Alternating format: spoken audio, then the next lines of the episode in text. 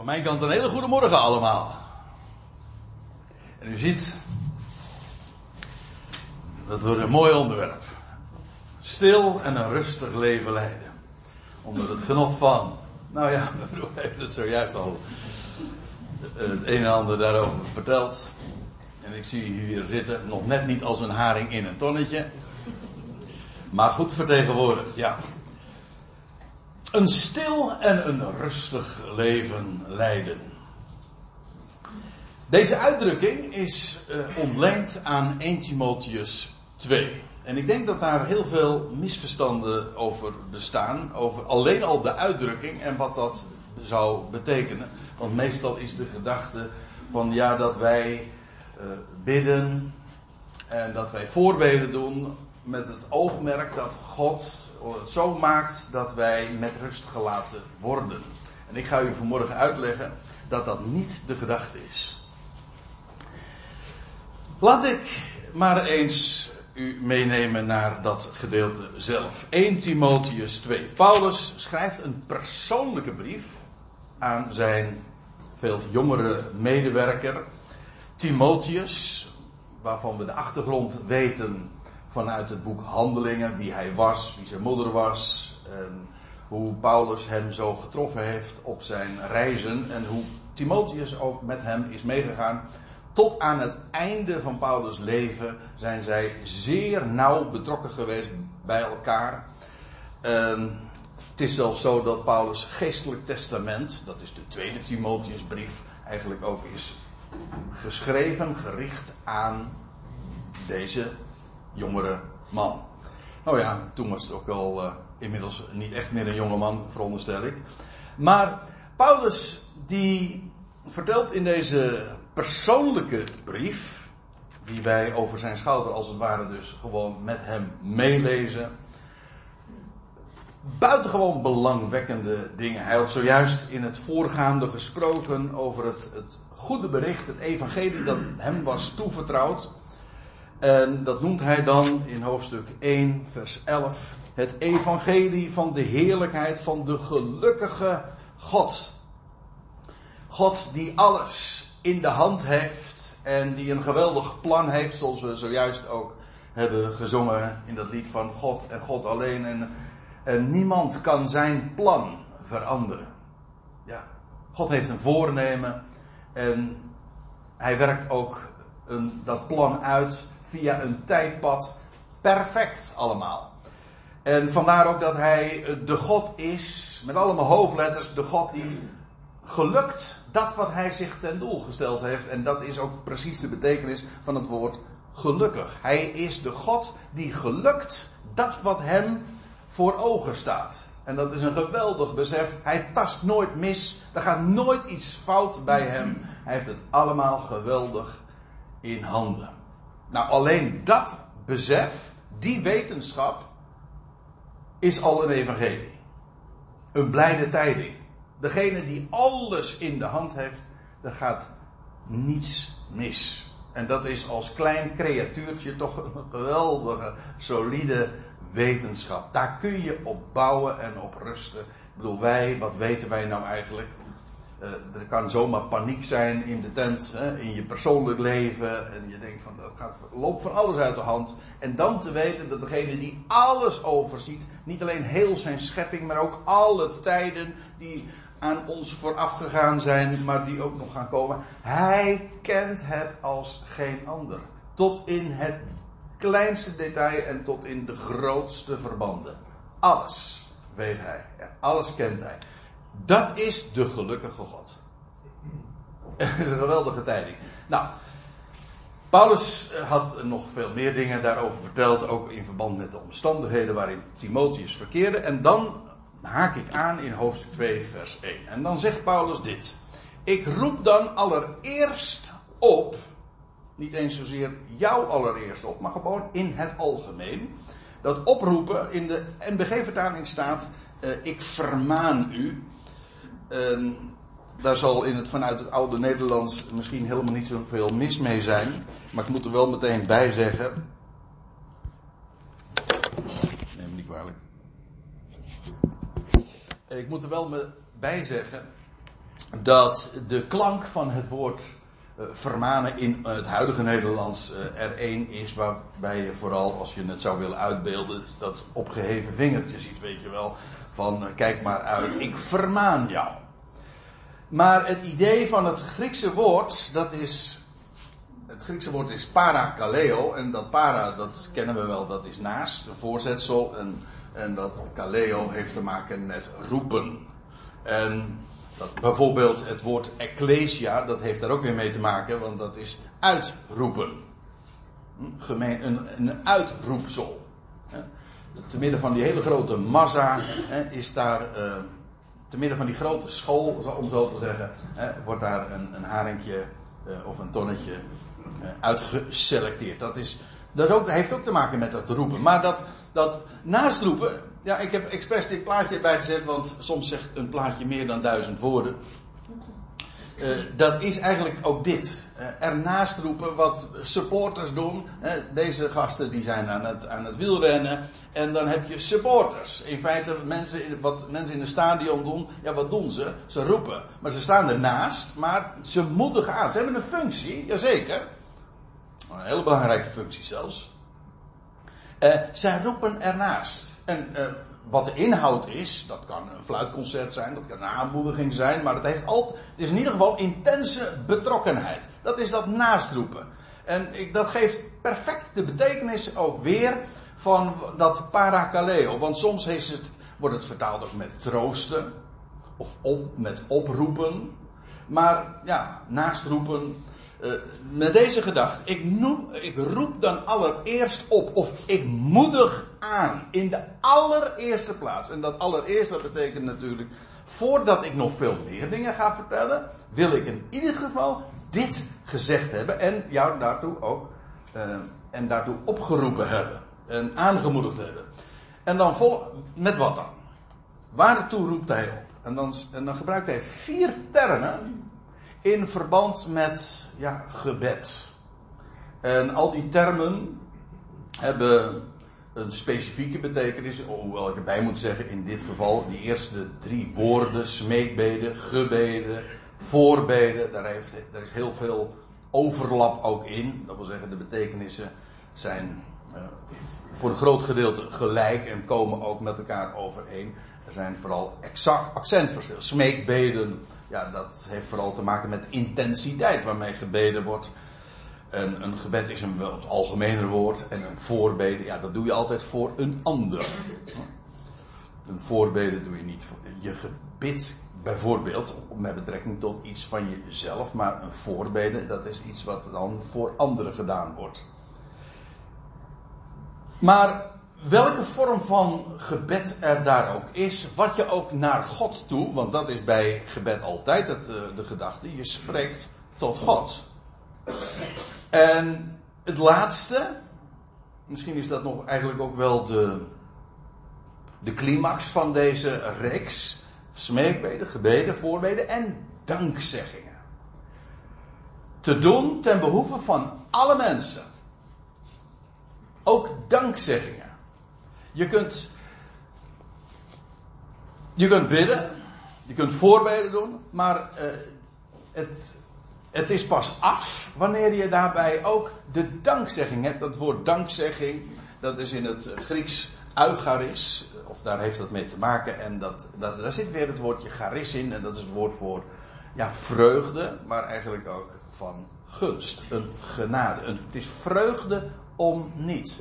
En daar zeg je dank voor. Het woord uiger is eigenlijk een schitterend woord. Veel uh, fraaier eigenlijk nog dan ons woord dank, want daar, uh, zit, ligt in besloten dat je, dat je spreekt van vreugde die je om niet ontvangt. Dat is uigeris. En dan zeg je, je ontvangt iets wat je niet verdient, waar je geen aanspraak op uh, kan maken. Ik is niet wat anders dan bij salaris. Dat is afgesproken. Dat krijg je. Daar hoef je niet eens dank u wel voor te zeggen. Nou ja, uh, oké. Okay, u zegt het is wel gemaneerd. Oké, maar het is iets wat je kan claimen. Maar eucharis heeft altijd te maken met iets wat je ontvangt zonder dat je dat, daar aanspraak op kunt maken. En waar het natuurlijk vooral om gaat, is dat alle mensen, als ik het zo zeg, dan, uh, ja, dan is dat, dat is nog een, een wijze waarop wij dat in het Nederlands ook uitdrukken, waarin verbazing ligt besloten. Nou, en als we het hebben over alle mensen, en zeker als dat dan uit de mond van Paulus komt, mensen, alle mensen, uh, daar is wat over te vertellen.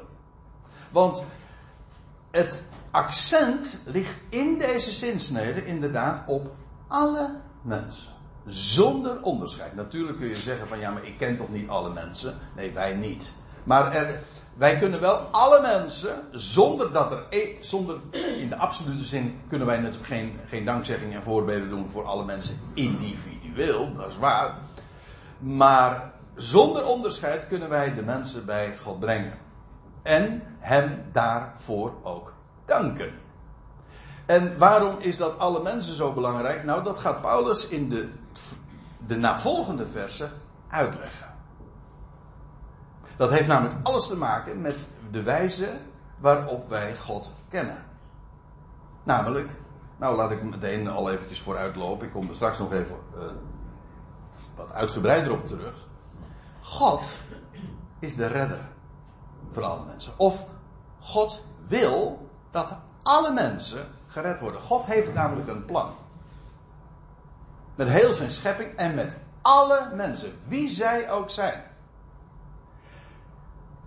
En wij, als gelovigen, wij die uitgeroepen zijn, ja, wij weten daarvan, wij kennen hem nu al. Ik bedoel, eens komt het moment dat, dat iedereen dat gaat beleiden en dat iedereen zich voor hem zal neerbuigen, voor God en God alleen.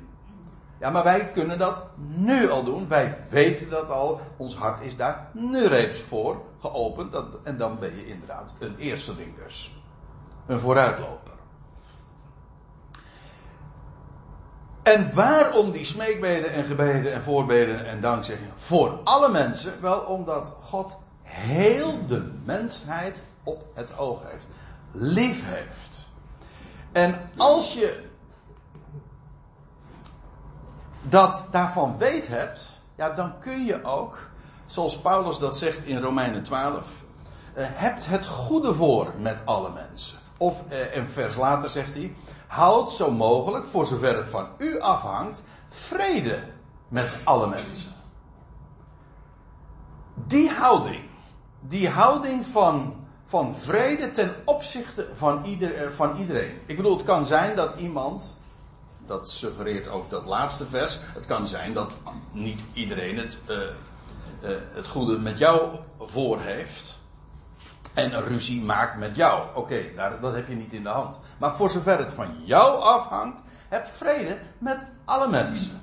En daarin ligt al eigenlijk de wetenschap besloten dat er een God is die wil dat alle mensen gered gaan worden. En dat ook, omdat er maar één God is, dat ook gaat realiseren. Zonder onderscheid. En hoeveel partijen er ook in de wereld zijn. En ongeacht de natie waartoe je behoort. Ik bedoel, het kan zijn. Uh, ja, je bent, uh, je bent Nederlander of je bent, uh, weet ik van, van welke nationaliteit ook. Of je bent van een bepaalde partij of een bepaalde politieke richting. Dat soort onderscheidingen, die in de wereld heel erg belangrijk zijn, zijn voor ons, vols, voor ons, eerstelingen, volstrekt onbelangrijk. Die dingen spelen geen rol. En vandaar ook dat wij datzelfde hart dat God heeft voor alle mensen, dat wij dat ook in ons gebedsleven weerspiegelen. Wij bidden net zo goed voor alle mensen, zoals wij ook Hem danken voor alle mensen. Nou laat ik, om mijn punt te maken, even verder gaan, want dan komen we in vers 2. Want dan ga je het ook uh, ja, in zijn context begrijpen, want hoezo alle mensen. Nou, Paulus gaat het hier ook specificeren. Hij noemt een categorie, of twee categorieën, bij, met, met, een speciale vermelding. Namelijk, uh, eerst had hij gezegd voorbeden, dankzegging te doen ten behoeve van alle mensen. En nu zegt hij ten behoeve van koningen en allen die in superioriteit zijn. Die uh, weergave, die hebt u misschien nog niet zo vaak gelezen. In de MBG-vertaling staat alle hooggeplaatsten. In de Statenvertaling die vertaalt het met allen die in hoogheid zijn. Ja, en ik, met name die laatste weergave, die is denk ik het. Uh, ja, dat geeft precies weer wat het is. Ze zijn hoog uh, in hoogheid, ze zijn superieur in macht, in volmacht, in dat wat zij kunnen beschikken. Ik bedoel, het gaat er niet om dat ze meer waard zijn als mens of zo. Nee, ze, ze hebben een positie van macht, van autoriteit. Ze zijn superieur en hebben het dus voor zeggen. Net zo goed als koningen. Koning is een speciale categorie. Maar Paulus die betrekt het dan meteen, terwijl hij die koningen genoemd heeft, uh, maakt hij de kring nog veel breder, namelijk allen in superioriteit. Superioriteit, ja. Uh, waarin trouwens ook allerlei niveaus nog weer zijn, want ja, dat kan.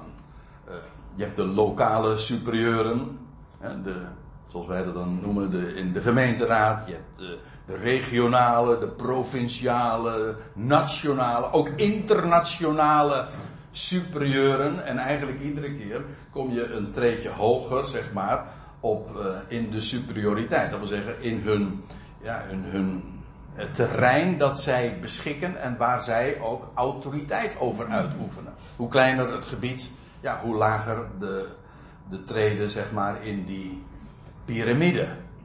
Nou, maar allen die in superioriteit zijn, daar zouden wij, zegt Paulus, en daar roept hij toe op, voorbeden, gebeden, dankzeggingen te doen. Voor alle mensen, voor de hele maatschappij, welke groep dan ook, zonder enig onderscheid. Alle mensen en speciaal ook voor de koningen en nog breder, allen die in superioriteit zijn. En wat daarmee is gezegd, is dat het betreft de, de machthebbers. Het gaat over de situatie in de maatschappij. Wie hebben het daarvoor het zeggen? Ja, er zijn allerlei eh, richtingen en allerlei groepen die tegenover elkaar ook staan, die onvrede hebben met elkaar. Ja, en daar zijn dan ook weer uh, machthebbers in, autoriteiten. Alle die in superioriteit zijn. En weet je wat Paulus daarover leert? Hier veronderstelt hij het. Maar als je nou bijvoorbeeld naar de Romeinenbrief toe gaat, naar Romeinen 13, dan lees je dat er geen autoriteit is dan onder God. God heeft al die machthebbers daar geplaatst. En vandaar ook dat, dat zegt Paulus, Petrus ook in zijn brief in, uh, in 1 Petrus 3. Nou, laat ik het, ik heb het, ik heb er geen diaatje van, maar ik wil het u graag even voorlezen.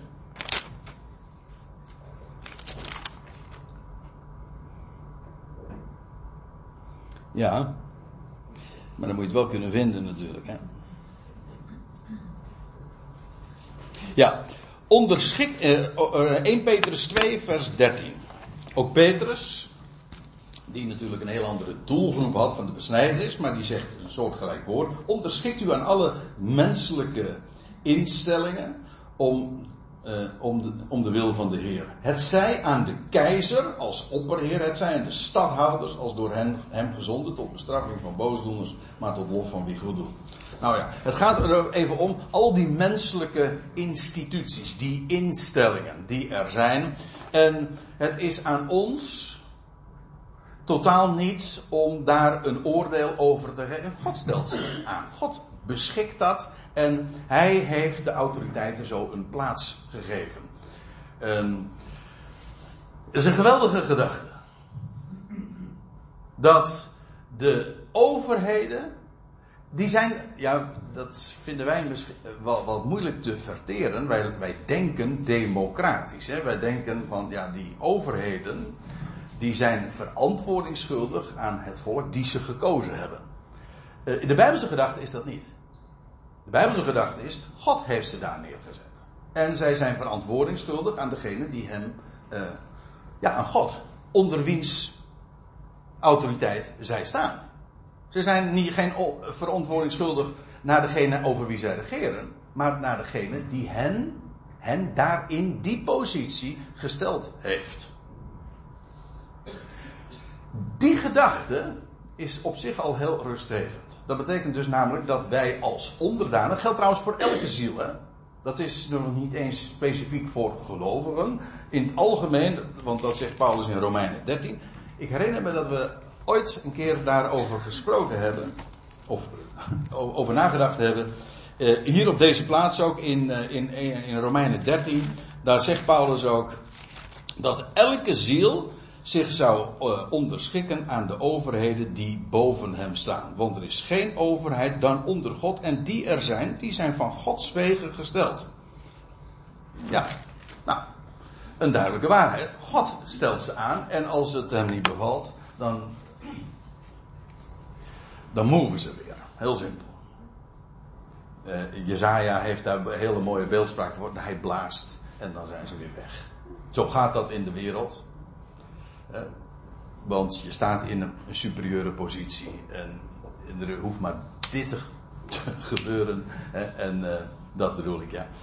en, en, en, weg is je, je macht weer. Dat is onze zorg niet.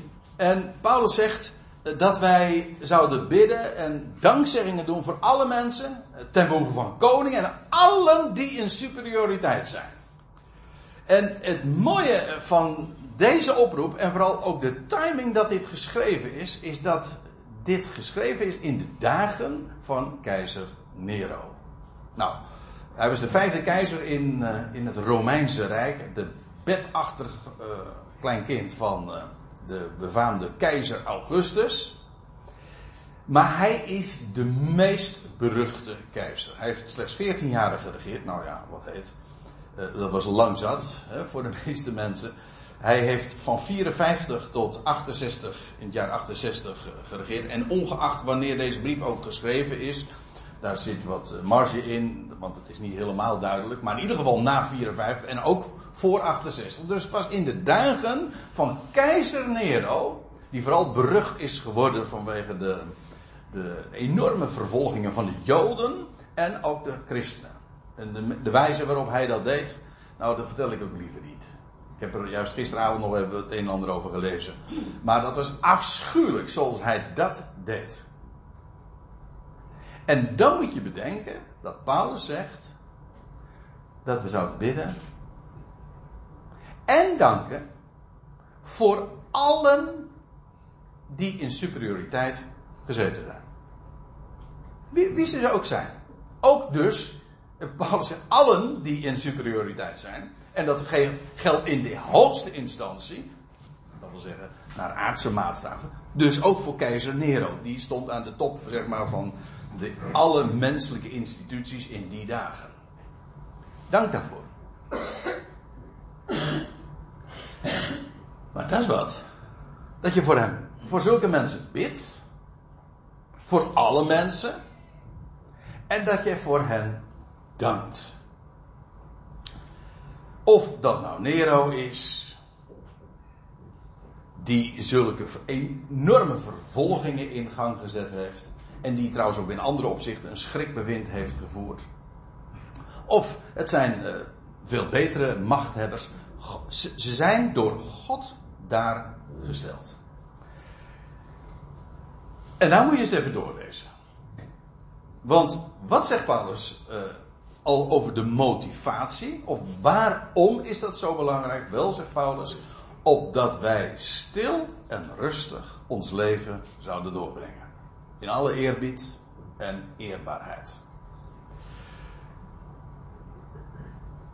Ik zei in het begin van mijn toespraak al even dat dit vaak wordt uitgelegd, of bijna altijd wordt uitgelegd, dat wij zouden bidden voor de overheden en alle die in superioriteit zijn, met als oogmerk dat die overheden ons met rust zouden laten. Dat wij dus een stil en rustig leven hebben, zonder dat wij lastig gevallen worden door hen. Maar dat is niet, ga ik u vertellen, de gedachte. Overigens, ik wil er wel even bij zeggen, het is een geweldig voorrecht dat wij hier gewoon, alleen al het feit dat we hier nu bij elkaar kunnen zijn, in vrijheid, zonder dat uh, we lastig gevallen worden door de overheden, dat is een buitengewoon voorrecht, afgezien van alle andere uh, omstandigheden waar wij als hier in Nederland onder verkeren. Uh, als er één soort mensen is die reden heeft om God te, ook te danken voor degenen die in superioriteit zijn, dan zijn het wij wel. Ik bedoel in die zin dat het ons, dat wij, ja, u zegt, want ik, ik, hoor sommige mensen al zeggen van, je weet niet al wat er allemaal misgaat daar. Dat zootje daar in Den Haag, hè. Hoort u ook nooit zo geluiden? Ik wel. Wij leven in buitengewoon voorspoedige omstandigheden. Maar het gaat hier niet om het feit dat die overheden of degenen die in superioriteit zijn ons met rust laten. Het gaat erom dat wij een stil en rustig leven leiden, omdat wij ons niet druk maken over de situatie van alle mensen en over de super, degenen die in superior, superioriteit gezeten zijn, die in hoogheid zijn. Dat is een heel ander verschil. Paulus zegt, wij bidden voor hen, voor alle mensen en ook degenen die in hoogheid gezeten zijn, allemaal, zonder enige uitzondering. God heeft hen daar neergezet. En wij bidden voor hen. En dat betekent dat wij, ja, wij gebruiken onze stem, maar naar God toe. En we laten het allemaal aan Hem over. We geven het inderdaad in vertrouwen aan Hem. Maar dat betekent dat wij vertrouwen hebben. Dat betekent dat wij rust hebben. Een stil en gerust leven opdat wij stil en rustig ons leven zouden doorbrengen, dat heeft iets te maken met de houding die wij innemen, niet de houding die de overheden naar ons toe hebben. Laat ik u dit zeggen. Die gedachte, die meestal gepromoot wordt over uh, ja, dat de overheden ons met rust zouden laten. A, dat laat ik daar twee dingen van zeggen. In de eerste plaats het is helemaal niet eens normaal en de gebruikelijke gang van zaken. Zo, gaat maar eens naar in de wereld. Zoals wij hier met rust gelaten worden van overheidswegen, dat is een ongebruikelijke situatie. Gewoon, kijk, zelfs nu, niet alleen in Paulus dagen, maar ook nu is het hoogst uitzonderlijk dat je gewoon de vrijheid en uh, geniet en dat je in een tolerant land mag wonen. Paulus zegt, dat zegt hij trouwens ook in de Timotheusbrief, dat alle die in Christus Jezus godvruchtig, hè, eerbiedig wandelen, die zullen vervolgd worden. En Paulus wist waar hij het over had hoor. Die werd vervolgd. Ook trouwens, meestal was het van godsdienstige zijde, maar dan werden vaak ook de, de overheden, de plaatselijke overheden bijvoorbeeld in opgeruid, eh, zodat Paulus alsnog in de gevangenis belandde. Eh, zulke situaties. Trouwens, uh, Paulus is uiteindelijk in Rome ook geëxecuteerd. Zijn tweede Timotheus, de tweede Timotheusbrief gaat daar ook over. Namelijk, dat is net zijn. Die brief is geschreven vlak voordat hij inderdaad ter dood gebracht zou worden. In Rome. Dat, was, dat, zijn, dat is dus wat de superieuren met hem hebben gedaan. En dat is geen ongebruikelijke situatie. De Heer, de heer Jezus had trouwens ooit al tegen de twaalf gezegd: In de wereld zullen jullie verdrukking hebben. Dat is de normale situatie. Je leeft in een boze aion en denk nou niet dat het de, de gangbare, normale situatie is dat het allemaal, uh, dat je een rustig leventje kan leiden. Dat is wel natuurlijk wat we graag begeren, maar niet de gebruikelijke of zelfs maar de normale gang van zaken. Dat is één ding. Het tweede is dat het gewoon ook qua woordgebruik niet klopt. Dit woord voor rustig, met name daar, het woord stil wat hier gebruikt wordt, dat komt maar één keer voor. Dus uh, daar, dat kun je dan niet gebruiken om, om vergelijkend onderzoek zeg maar, te doen in de schrift. Maar pak een concordantie en kijk naar waar het woord rustig gebruikt wordt. En dan zul je zien dat het tien keer voorkomt in het Nieuwe Testament. In dit hoofdstuk trouwens ook nog in vers 11. Daar waar Paulus tegen de, van de vrouwen zegt dat ze zich rustig zouden houden. En niet de man de les zouden leren. En dat ook dan weer is de gedachte. Uh, niet dat zij met rust gelaten wordt, maar dat zij, zij zich rustig zou houden. Dat was een kalm.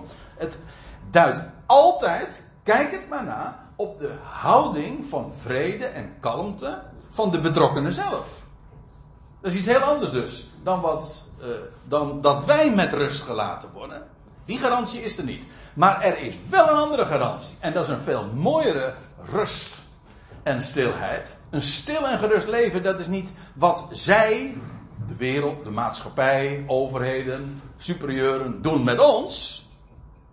Nee, dat is wat, hoe wij in de wereld leven. Stil en rustig. We leven het. We geven het allemaal over aan God. We bidden voor alle mensen. Al die partijen die tegenover elkaar staan, want zo gaat het in de wereld. Die, er is zoveel rumeur, ru, rumoer en zoveel tumult, zoveel conflict, zoveel strijd, zoveel oorlog. En in feite, een gelovige heeft daar niks mee te maken. Wij, ja, dat heeft nog een andere achtergrond en dat is dat wij hier een missie hebben. Feitelijk zijn wij ambassadeurs. Uh, weet je wat een ambassadeur eigenlijk is? Dat is heel interessant om daar eens over na te denken. Ik bedoel, eerst waren we haringen. En nu zijn we, dit is weer een ander beeld. Maar het, het, drukt iets, iets heel moois uit. Een ambassadeur, dat is iemand die zijn sta, eh, die een staatshoofd in den vreemde vertegenwoordigt. Nou, dat drukt perfect uit waartoe wij hier zijn. Eh, wij kennen iemand die, de koning, hij is buitenlands, ja, inderdaad. Hij claimt zijn autoriteit in deze wereld niet. Maar wij vertegenwoordigen dat koninkrijk dat straks hier op deze wereld gevestigd wordt. Wij vertegenwoordigen dat koninkrijk. Ambassadeurs, een gezant. Paulus spreekt ook verschillende keren over dat woord, een gezant, een ambassadeur. Dat is iemand met een missie. En wat doet een, ik noem maar wat, een, een, een, de, de Nederlandse ambassadeur in, in Madrid, ja, die vertegenwoordigt het staatshoofd. Zijn Nederlands staatshoofd in Spanje. Ja, en wat doet hij? Nou, wat hij doet is dat wat. Uh, laat ik er even bij zeggen. Hij hij, hij, eh, hij, hij, rijdt in een Spaanse auto wellicht rond. Hij koopt Spaanse producten. Allemaal. Hij, dus in veel opzichten heeft hij een Spaans leven. Maar hij heeft één missie en dat is dat hij zijn regering in den vreemde, in het buitenland, vertegenwoordigt. Op een waardige wijze. En de conflicten in Spanje, dat is zijn ding niet. Alle hij respecteert de overheden ook. Ik bedoel, als hij in Madrid rondrijdt, dan houdt hij zich gewoon aan de verkeersvoorschriften. Sterker nog, dat is heel belangrijk, want een ambassadeur mag niet in opspraak komen. Het is heel belangrijk dat een ambassadeur zich waardig gedraagt. Hij respecteert de, de geboden, de instellingen van, van het land waar hij eigenlijk te gast is. Maar hij bemoeit zich absoluut niet met de, de, de, interne kwesties van het land. Als er een opstand of een revolutie is uh, in het betreffende land, ja, dan gaat dat aan hem voorbij. Daar heeft hij verder geen boodschap aan. Sterker nog, die neutraliteit is heel belangrijk voor een ambassadeur. Want hij heeft maar één taak en dat is zijn staatshoofd, de regering in het buitenland, te vertegenwoordigen. En de interne kwesties die er spelen, gaan aan hem voorbij. Daar mengt hij zich niet in. Vandaar dat Paulus ook zegt dat we voor alle mensen, voor al die superieuren, onderschikken wij ons en wij bidden en danken voor alle mensen. Zonder enig onderscheid. Wij kiezen geen partij. Dat is, dat is het idee. Maar moet je eens voorstellen, denk daar eens over door.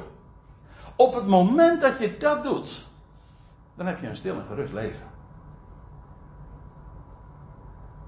De conflicten die er zijn in de wereld, maar ook dat wat superieuren bedisselen en wat zij doen, daar, kun je, daar heb je je mening over, natuurlijk.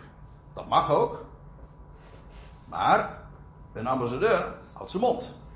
Trouwens, in het algemeen is het al, uh, wordt al uh, gezegd dat, dat wij met ons democratisch gevoel uh, is dat misschien vreemd. De Bijbelse gedachte is, wij onderschikken ons gewoon aan de overheden die boven ons gesteld zijn. Zij zijn verantwoordingsschuldig naar een God toe. Niet naar ons. Maar goed, daar had ik het net al even over. Even dat geparkeerd. Het, voor een ambassadeur is het van belang dat wij eh, ons oriënteren, inderdaad. En oriënteren op dat wat wij voor geroepen zijn, namelijk om een missie ten opzichte van alle mensen. Wij hebben namelijk een boodschap. Wij, hebben, we zijn gezanten om een boodschap uit te dragen voor alle mensen. En wij onderschikken ons en onderschikken ons aan de overheden in het land waar wij te gast zijn. En wij schikken ons in de omstandigheden en kritiek is niet aan ons. En dat is precies wat een stil en een gerust leven is. En of, of Joop den Uil, hier, laten we hem eventjes uh. Hè. Uh, hier nu, inmiddels is de beste man natuurlijk ook al lang overleden. Hier uh, aan minister-president of Wim Kok, die is ook al overleden. Of, of Mark Rutte. Of het wordt Jesse Klaver. Of Thierry Baudet. Of noem maar op. Wij danken daarvoor. Ongeacht wie. Dat maakt helemaal geen, dat maakt echt geen bal uit. En de strijd die, ik merk het heel dikwijls, dat gelovigen zich over dat soort dingen druk maken. Maar realiseer je wel dat je een ambassadeur hier bent? Dat zijn de interne kwesties die hier in Nederland mogen spelen, maar voor ons totaal niet ter zake doen. Wij danken, en op het moment dus dat je dankt voor de overheden die boven ons gesteld zijn, dan heb je een stil en een gerust leven. En dat is wat ik elk mens zou willen, willen toewensen.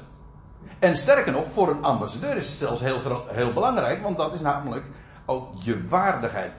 Het, het, bewaren van je, zoals dat een ambassade in diplomatieke termen dan heet. Hè, want dan ga je heel omzichtig om met de interne kwesties. Daar wil je namelijk niet in mengen. Dat is ook de betekenis van het woord diplomatiek. Je, je, je heel, uh, heel nadrukkelijk wil je je daar uh, niet mee bemoeien. En je distancieert je daarvan. En die neutraliteit is belangrijk.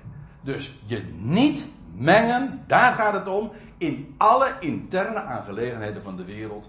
En dat is dat stille en dat gerustige, uh, rustige leven. Opdat wij een stil en rustig uh, ons leven zouden doorbrengen. Ziet u dat dat onafhankelijk is van wat de overheden of de maatschappij met ons doet? Of wie er aan het bewind is? Daar, heb, daar kun je je voorkeuren over hebben. Daar kun je je mening over hebben. Maar het is iets wat onze zaak niet is. En wat doen wij met onze stem? Wel, wij richten het naar God toe. Dat is waar. Wij spreken tot God en danken God. En wij bidden voor, tot God. Met betrekking tot alle mensen, tot allen die in hoogheid zijn. Maar hier op aarde houden we ons, als het gaat om de zaken van die in hoogheid gezeten zijn, houden wij ons stil en rustig. Dat is het adagium. Ja, Paulus zegt er ook bij, in alle eerbied en eerbaarheid. In de NBG-vertaling dan staat hier um, godsvrucht. Wat niks met vrucht te maken heeft, maar dat, dat komt eigenlijk weer uit het Duits, godsvrucht. Dat is een godsvrees eigenlijk. Het idee is dat je eerbied hebt.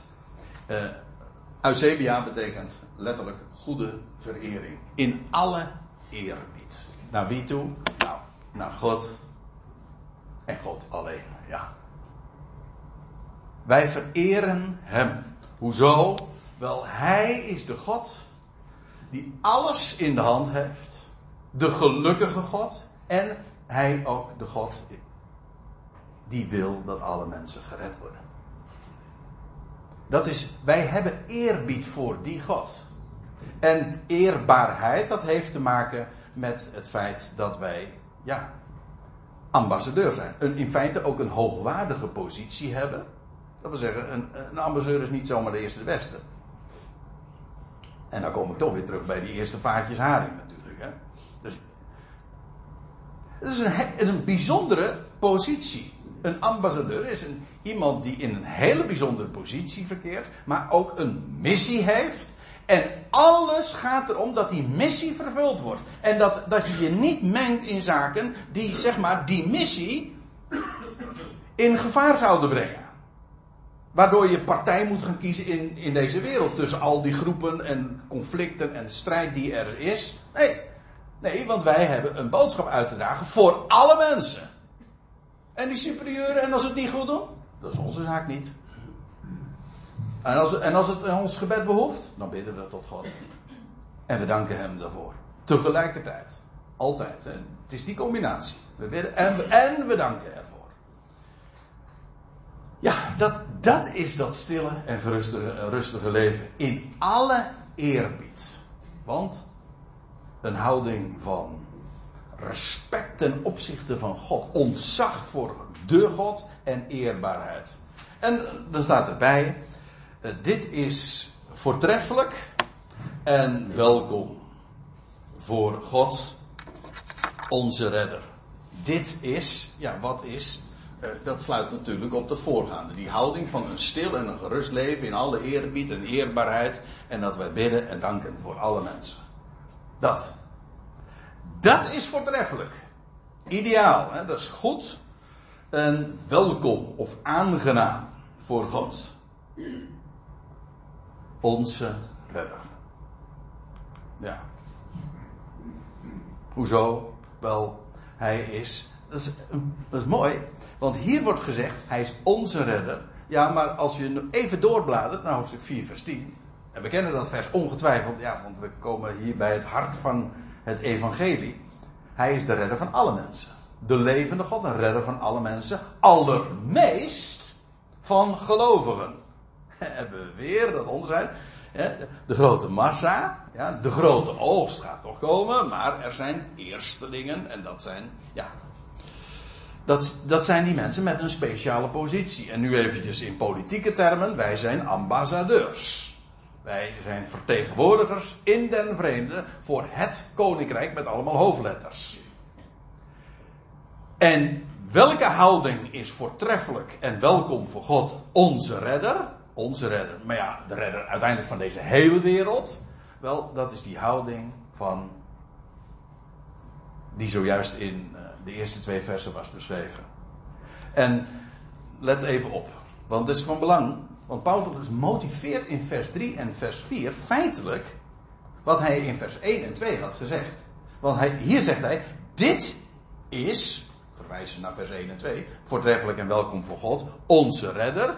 Hoezo? God onze redder. Nou, die wil dat alle mensen gered worden. Hé, hey, maar dat is opmerkelijk, want alle mensen, dat is precies de uitdrukking die Paulus in vers 2 ook bezigde. Of wat was het, vers 1? Namelijk dat we zouden bidden en danken voor alle mensen. Wie dan ook. Kijk, en voor de mens kan je altijd nog zeggen: ja, maar hoe kan ik nou bidden en danken voor alle mensen? Dat is relatief. Ja, maar voor God niet. Ik bedoel, God wil dat alle mensen gered worden. Wat wil God?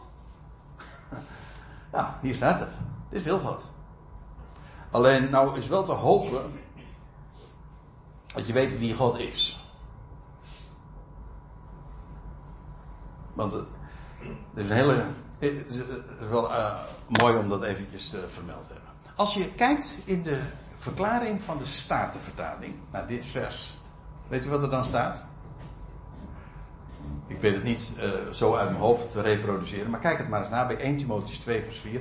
Dan staat er in de, de oude uh, kanttekeningen, dan staat er alle mensen betekent hier allerlei mensen. Want, staat er, als God zou willen dat alle mensen gered worden, ja, dan zouden, dan zouden alle mensen ook gered worden. Ja, echt waar, zo staat het er. Natuurlijk. En dus, maar aangezien dat natuurlijk niet kan, heeft men hier van alle mensen allerlei mensen gemaakt. Hebben trouwens dus de Jehovah's getuigen ook gedaan. Die hebben het in de vertaling zelfs gezet. Allerlei mensen. Dat zijn gewoon alle mensen. En weet je wat, maar eh, eh, tegenwoordig in, zeker in ons vaderland, uh, is er een veel grotere categorie van, zeg maar, evangelische christenen. En die zeggen, ja, God wil dat alle mensen gered worden. En die zeggen, alle mensen, stuk voor stuk. Maar ja, jij moet het ook willen. Als een mens het niet wil, ja, dan gebeurt het natuurlijk niet. Hè? Dat is het punt. Dus die leggen dat woord alle inderdaad letterlijk uit. En zeggen inderdaad, God wil dat alle mensen gered worden. Maar ja, de, God is afhankelijk van de keuze en van de toestemming die een mens geeft. Want als een mens het niet wil, ja, dan gebeurt het niet. God kan dat wel willen, maar, als een mens, maar wie is dan God? Als God afhankelijk is van de keuze van een mens. Als de mens het laatste woord heeft. Ja, dan, nee, dan heb je dus miljarden goden. Daar komt het op neer. Nou, we zullen het straks lezen. Maar God wil dat alle mensen gered worden. En het is gewoon alle mensen. En ik zei al, hoofdstuk 4, vers 10. Legt het ook uit trouwens. Als je dat. Eh, ik raad u aan om eens een keertje een Bijbelstudie te doen over alle mensen in de brieven van Paulus. Dat is echt zo geweldig verlichtend. En dan kom je eigenlijk in, als je in zijn brieven dan leest, bladert, dan kom je meteen bij hoofdstuk 5 van de Romeinenbrief. Dat is de eerste brief die we van Paulus hebben. En dan in hoofdstuk 5 dan legt hij uit van ja, alle mensen, alle mensen ja, zijn zondaren sinds Adam en stervelingen. Zo ook in Christus, de laatste Adam, alle mensen worden gered en gerechtvaardigd. Alle mensen. Ja. Maar God wil dat alle mensen gered worden. En er staat nog bij en tot besef van waarheid komen. Ja. En dan kom je dus bij de vraag welke waarheid. Nou, wat dacht u van de waarheid dat God wil dat alle mensen gered worden? Dat is de waarheid. Soms, eh, in het Engels zeggen dat de sleutel hangt bij de deur. Dat is in dit geval ook. Wat, eh, welke waarheid? Waarover heeft hij het? Nou, wat in, in hetzelfde zinnetje al vermeld was. God wil, God wil dat alle mensen gered worden. En tot besef komen. Gaan beseffen wat deze waarheid is. Dat moeten mensen weten. Ja, en moeten mensen beseffen, jawel. Maar er is een, een ambassade. Er is een, een ecclesia die deze boodschap uitdraagt. En dat ook waardig doet en zich niet mengt in de zaken van deze wereld, maar deze boodschap dat God wil dat alle mensen gered worden, dat ze dat vertellen, dat dat verteld wordt. En Paulus zegt dan bij, ja, want er is één God. Hé, hey, dan weet je meteen dat die andere verklaring van, ja, God wil dat wel, maar als een mens het niet wil, dan gebeurt het niet. Met andere woorden, God, uh, hoe was het ook alweer? Uh, God wikt en de mens beschikt. Dat, dat, dat zou dan de gedachte zijn. Nee, er is één God. Er is één God. Die alles plaatst, alles beschikt, de superieuren hun positie geeft. Die alles in de handen heeft aan wie wij het allemaal met een gerust hart kunnen overgeven. En dat is dat stille en geruste leven. En wat, we, wat, wat is de boodschap die wij uitdragen? Nou, is gewoon de waarheid. Welke waarheid? God wil. Alle mensen. Die ene God die alles beschikt en plaatst. Die wil dat alle mensen gered worden. De boodschap is zo verschrikkelijk simpel, ook zo logisch. God is een redder. Hij is de schepper, maar hij is ook de redder. Dat is wat hij voornemens is. En die boodschap mogen wij uitdragen. En vandaar ook dat het zo belangrijk is om ons met de interne kwesties van deze wereld niet te bemoeien. Ons daarin niet te laten meeslepen. Want dat zou onze ambassadepositie, onze diplomatieke positie in gevaar brengen. Een stil en gerust leven. Want er is één God. één middelaar van God en mensen. De mens Christus Jezus. Die zichzelf geeft. Tot een losprijs ten behoeve, weer ten behoeve van allen. Ja. Het kruis dat in deze wereld stond, dat is een kruis waarin God bewees. Mijn zoon heeft de prijs betaald. Voor wie? Voor heel het mensdom. God wil dat alle mensen gered worden. De prijs is voor allen betaald. En hij staat daar garant voor. En dat is het getuigenis bij gelegenheden. Wat is het getuigenis? Bij welke gelegenheid dat dan ook uh, verteld en vermeld kan worden. Wel dit. Getuigenis van de, die ene losprijs die voor allen is betaald. Vanwege die ene God die er is. Want uh, Paulus zegt er is één God en er is één middelaar van God en mensen. Nou, ik ga daar nu even heel snel doorheen, maar ik kom dan uiteindelijk bij vers 7 aan en Paulus zegt waarin ik werd gesteld. Namelijk als heraut, dat wil zeggen om dat door te geven, om dat te proclameren, om dat uit te roepen en een afgevaardigd. Hij is letterlijk ook afgevaardigd door Christus Jezus hoogstpersoonlijk zelf om deze dingen te spreken. Hij zegt, en waarheid spreek ik. Ligt niet. Dit is de waarheid. En zo is hij een leraar van natieën. Niet een boodschap voor specifiek Israël, zoals Petrus dat bijvoorbeeld had. Nee, een leraar van natieën. Een onderwijzer. Dat is wat hij vertelt en uitlegt. In geloof. Hè, dat we, we zouden vertrouwen.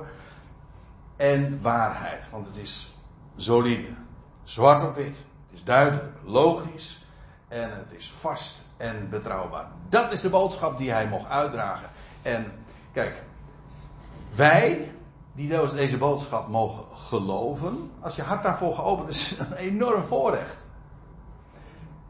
En deze boodschap houden wij hoog. En de bottomline van vanmorgen is, waar ik het in de eerste twee versen, uh, wat we daarin lazen, dat is deze boodschap. Wij bidden, we danken voor alle mensen, want God is hun redder. En die boodschap die houden wij hoog. En alle kwesties in deze wereld die zijn aan ons niet besteed. We geven dat allemaal rustig over aan de ene God. En dat is dat stille en geruste leven. Dat wij als ambassadeurs mogen leiden. Zullen we daarbij laten voor vanmorgen?